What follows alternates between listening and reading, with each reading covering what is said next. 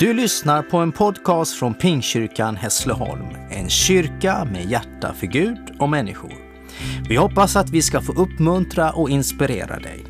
För att få mer information om vilka vi är och vad vi gör, gå in på pingstkyrkanhassleholm.se.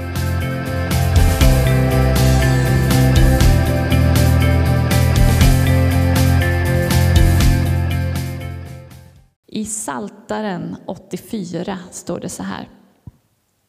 Hur ljuvliga är inte dina boningar, Herren Sebaot. Min själ längtar och trängtar till Herrens gårdar. Min själ och min kropp jublar mot levande Gud. Sparven har funnit sig ett hem och svalan ett bo där hon kan lägga sina ungar. Dina altare, Herren Sebaot. Min kung och min Gud, saliga är de som bor i ditt hus. De lovar dig ständigt. Det är ett nytt år. Ett gott nytt år hoppas vi såklart att vi går in i. Och vi ser tillbaka på 2020 med kanske lite blandade känslor. Det var ju det konstigaste året jag någonsin har varit med om. Det året när vi lite motvilligt var tvungna att sätta oss in i viss teknik och ställa om och göra saker så som vi inte brukar göra dem. Vi är tacksamma för tekniken som möjliggör att fira gudstjänst eller att för den delen jobba hemifrån. Eh, men vi saknar ju andra människors fysiska närvaro. Vi saknar att dela en fika och skratta tillsammans. Vi saknar kramar och handtag. Vi saknar samvaro och gemenskap. Ingen teknik i världen kan ersätta det till fullo, men det är ett helt okej okay substitut. På sociala medier de här helgerna så tror jag aldrig jag sett så många julhälsningar och nyårshälsningar från från eh, människor som skriver kloka tankar om året som har varit. Man skriver att man saknar varandra, att man längtar efter att kunna ses igen. Jag har läst kommentarer som att hjärtat gör riktigt ont eh, när den här delen i livet som, som alltid har varit självklar och alltid funnits för människor, nämligen gemenskapen, inte finns där. Och inte helt olik den här längtan efter varandra är den längtan som salmisten uttrycker i den här salmen, hämtar från dagens text i kyrkoåret. Min själ längtar och trängtar till Herrens gårdar. En längtan till Guds hus, det är en längtan efter levande Gud. Vi vet att Gud han har ingen riskgrupp, han behöver inte hålla distans. Vi vet att han är nära, som vi har predikat om hela hösten här i vår kyrka. Men nedlagt i oss finns också behovet av ett kollektivt gudsmöte. Att delta i en gemensam lovprisning och förenas med bröder och systrar för att tillsammans tillbe och erfara den levande guden. Den gemenskapen gör något med oss. Den skapar tro. Den gemenskapen längtar och trängtar vi efter det här året. För den bygger upp oss. Att i sitt liv varje helg träffas som trosyskon och tillsammans lyfta upp blicken till skaparen av himmel och jord, det är en helig rytm som är otroligt viktig. Att gå till, som, eller som salmisten säger här, bo i Herrens hus, Guds hus, vara i hans närhet tillsammans. I kapitel 47 skriver salmisten de här kända orden. Som hjorten längtar till vattenbäckar, så längtar min själ efter dig, o Gud. Min själ törstar efter Gud, efter den levande guden. När får jag komma och träda fram inför Guds ansikte? Visst kan det kännas lite så. När ska det här vara över så att vi tillsammans kan få gå till kyrkan och fira gudstjänst? Vi längtar efter det som, som att vi väntar, längtar till vatten. Och när är det här möjligt? Ja, vi har inget svar på den frågan. Vi hoppas naturligtvis att det är så snart som möjligt. Tidigare i gudstjänsten fick vi höra en annan av texterna det här söndagen i kyrkoåret. Texten om Jesus som tolvåring. Det är den enda berättelsen som vi kan se där det står någonting om Jesus barndom och det gör den ju väldigt spännande och eh, unik. För visst är det så att vi lätt kan fundera på Jesus och på hans person. Hur var han som barn? Hur, hur funkade det att växa upp i en familj och samtidigt vara Guds son? Eh, Bibeln är väldigt sparsam med information om det här. Men den här berättelsen lyfts fram, men den står bara en gång. Och den står i Lukas evangelium. Att Jesus var just 12 år när det hände, det är inte så konstigt. För det var just vid 12 års ålder som de judiska pojkarna fick undervisning och blev upptagna som vuxna in i den judiska församlingen. Och kanske var det för att Jesus hade börjat få den här undervisningen som någonting hade påbörjats inom honom. Kanske var det nu han förstod att han var Messias, eller hade han vetat det långt innan? Det vet inte jag. Men det fanns en dragning. Han drogs till Guds hus. De här resorna som man gjorde vid högtiderna, eh, de gjorde man ofta i större grupper. Ofta var det barn och kvinnor som gick först och sen gick männen sist. Det var ett säkrare sätt att resa än att vara själv. Och då Eftersom Jesus var 12 år så var han lite mitt emellan och det känns ganska troligt som att Maria förmodligen trodde att han gick med Josef och Josef trodde att han var med Maria. Det är inte så konstigt att det dröjer ett tag innan de upptäcker att han saknas. Och visst kan man som förälder förstå den här paniken när man ser att han är inte där. Och så vänder de tillbaka och letar finns också något inom en som tycker det är lite skönt att se att det finns fler föräldrar som inte är helt perfekta och alltid lyckas i sitt föräldraskap, inte ens frälsarens egna föräldrar. Eh, men de beger sig till Jerusalem och letar i tre dagar. Jag tänker det finns många mörka och oroliga tankar som hinner rulla igenom ens huvud i tre dagar. De som var de utvalda och benådade med uppgiften att uppfostra och ta hand om Guds, Guds son, de tappade bort honom. Han var ingenstans. Vad hände då med Messias? Vad hände då med uppdraget vad skulle hända med dem? En otrolig panik måste de ha upplevt och en förälders allra värsta mardröm. När jag själv var i sådär sexårsåldern så var vi och semestrade på den fina ön Bornholm här utanför Skåne. Och det finns många jättefina vita stränder och där gick jag på den och plötsligt var jag helt borta från mina föräldrar. De letade naturligtvis, jag var borta, jag vet inte hur länge men det var flera timmar.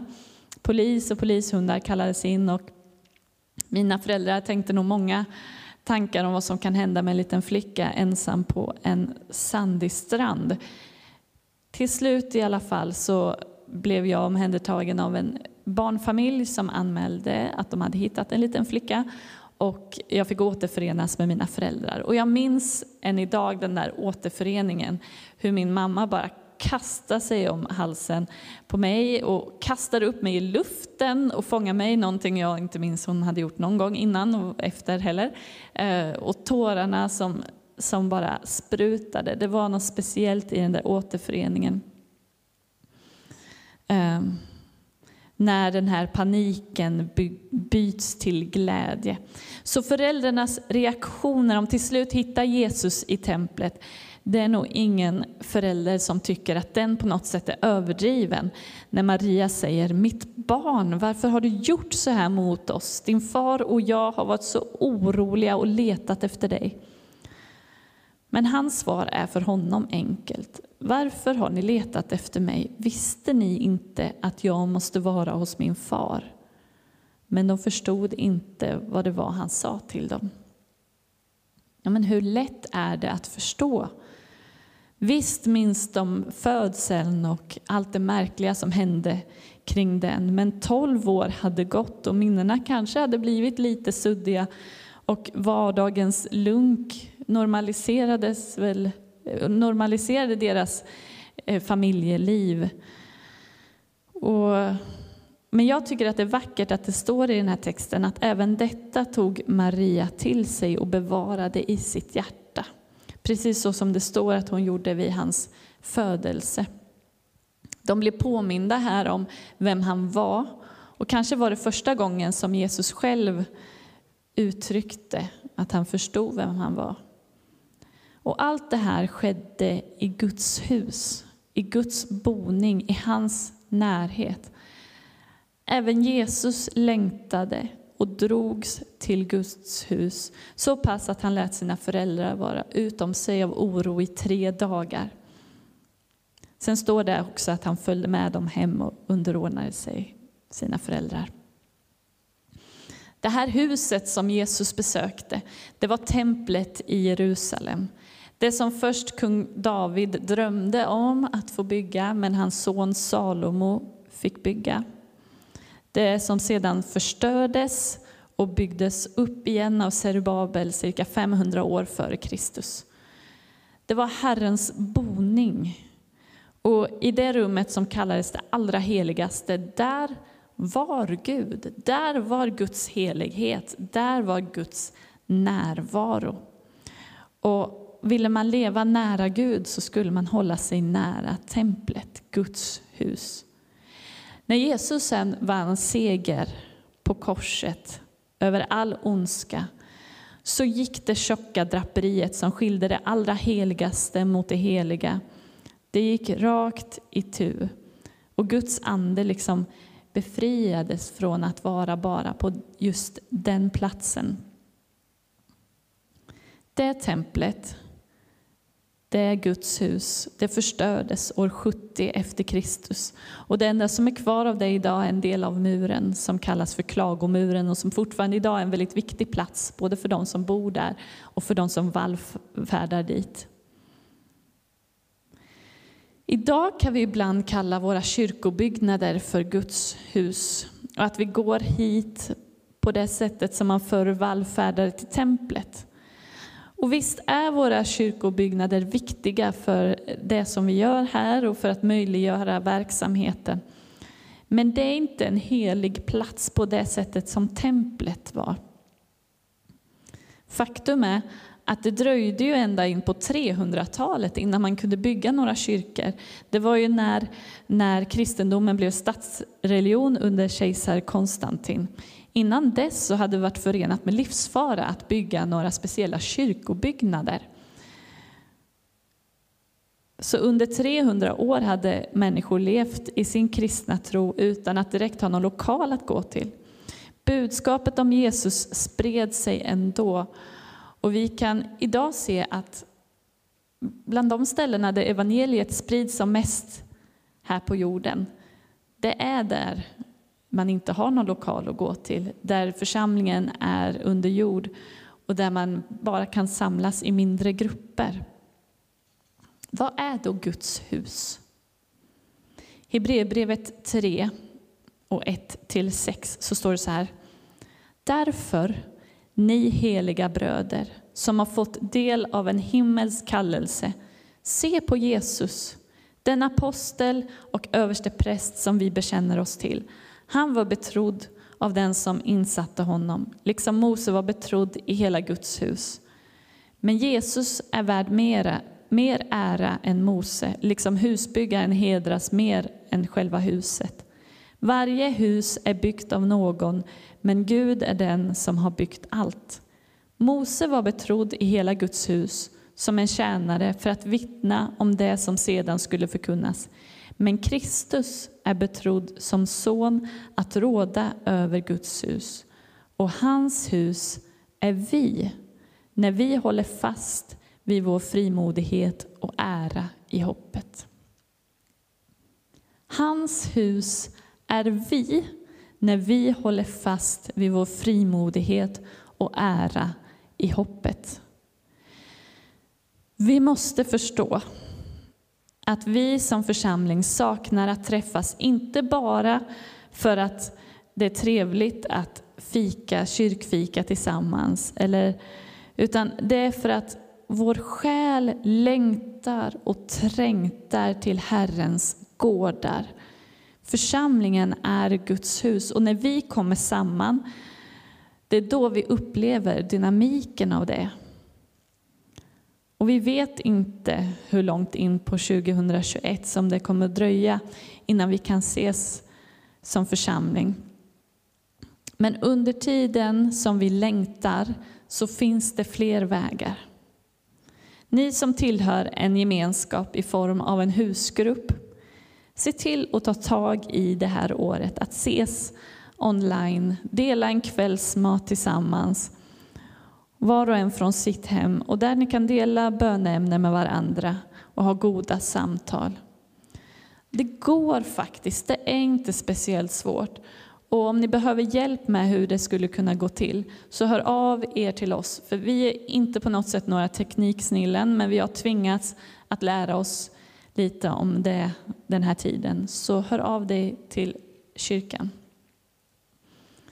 Tillhör du ingen husgrupp, men inser nu hur värdefullt det skulle vara, oavsett du har tillhört den här församlingen i en halv evighet, eller om du har kollat på våra gudstjänster online, så, så hör genast av dig. Våra kontaktuppgifter finns på vår hemsida pingstkyrkanhasleholm.se. Och du kan även kontakta oss via vår Facebook-sida med bönämnen och frågor och annat som känns mer naturligt för dig. Ta, ta tag i din längtan och din trängtan till Herrens gårdar. Vänta inte tills pandemin är över, för vi vet inte hur länge det dröjer. Innan jag avslutar här så skulle jag vilja vända mig till dig som har lyssnat på den här predikan och tänker, men det där gäller ju inte mig. Jag har ingen längtan till församlingsgemenskapen. Det är rätt så skönt i ärlighetens namn att vara hemma på söndagar. Den här heliga rytmen, den har inte känts så där viktig. Och den har du kanske vant dig av med. Och du kanske till och med funderar på att när pandemin är över så kanske du skulle dra dig tillbaka från församlingen. Du kanske ändå tänker att det ger mig inget. Jag har det bra ändå. Kanske du den senaste tiden mer har varit med och konsumerat gudstjänster men upplever inte att du är en byggsten av Guds hus. Jag vill be att det ska väckas en längtan i dig att få vara med och bygga. Är det inte här i vår församling så kanske det är i någon annan församling här i stan eller någon annanstans. Men att stå bredvid och titta på, det tröttnar man på efter ett tag. Men att vara med och göra skillnad, det gör skillnad både i Guds rike och inom en. Har man inga krafter kvar så kan man ändå alltid vara med genom att be. Så jag säger så här. Vänd dig till Herren och läs orden ur Psaltaren 84. För när vi läser saker ur Bibeln och uttalar dem med vår mun så blir de en verklighet för oss. Hur ljuvliga är inte dina boningar, Herre Sebot? Min själ längtar och trängtar till Herrens gårdar. Min själ och min kropp jublar mot levande Gud. Sparven har funnit sig ett hem och svalan ett bo där hon kan lägga sina ungar.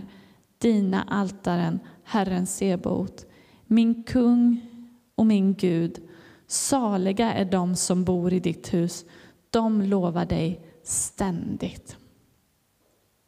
Herre, jag tackar dig för att du är här den här förmiddagen. Jag tackar dig för att du påminner oss om ditt hus, Herre. Och du ser vår längtan, Herre, efter ditt hus, efter gemenskapen, efter kollektivet, att tillsammans få ära och prisa och lovsjunga dig, Herre. Gud, jag prisar dig att du hjälper oss hitta vägar att hålla, hålla tron vid liv, hålla lågan vid liv, hålla längtan vid liv, Fader. Gud, jag tackar dig för du är var och en som sitter hemma och känner, ja det där längtar jag efter, hjälp mig Gud.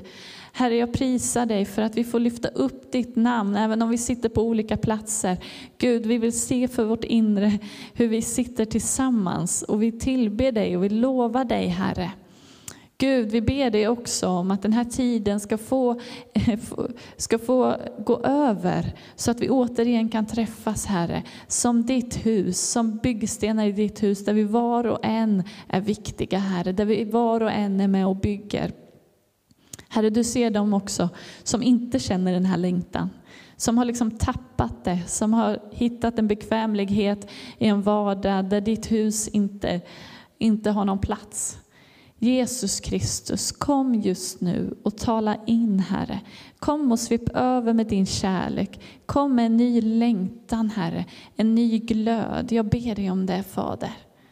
Jesus Kristus, kom med din heliga Ande in i var och en av oss och låt oss på nytt få bli, få bli sköljda, få bli tvättade, rena, få stå här i början av 2021 med upplyfta händer och prisa ditt namn. Vi får stå här och ge våra liv till dig ännu en gång.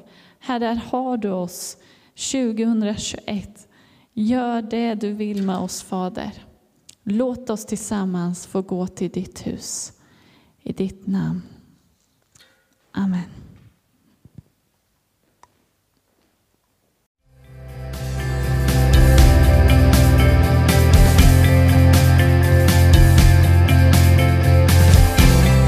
Du har lyssnat till en podcast från Pingkyrkan Hässleholm.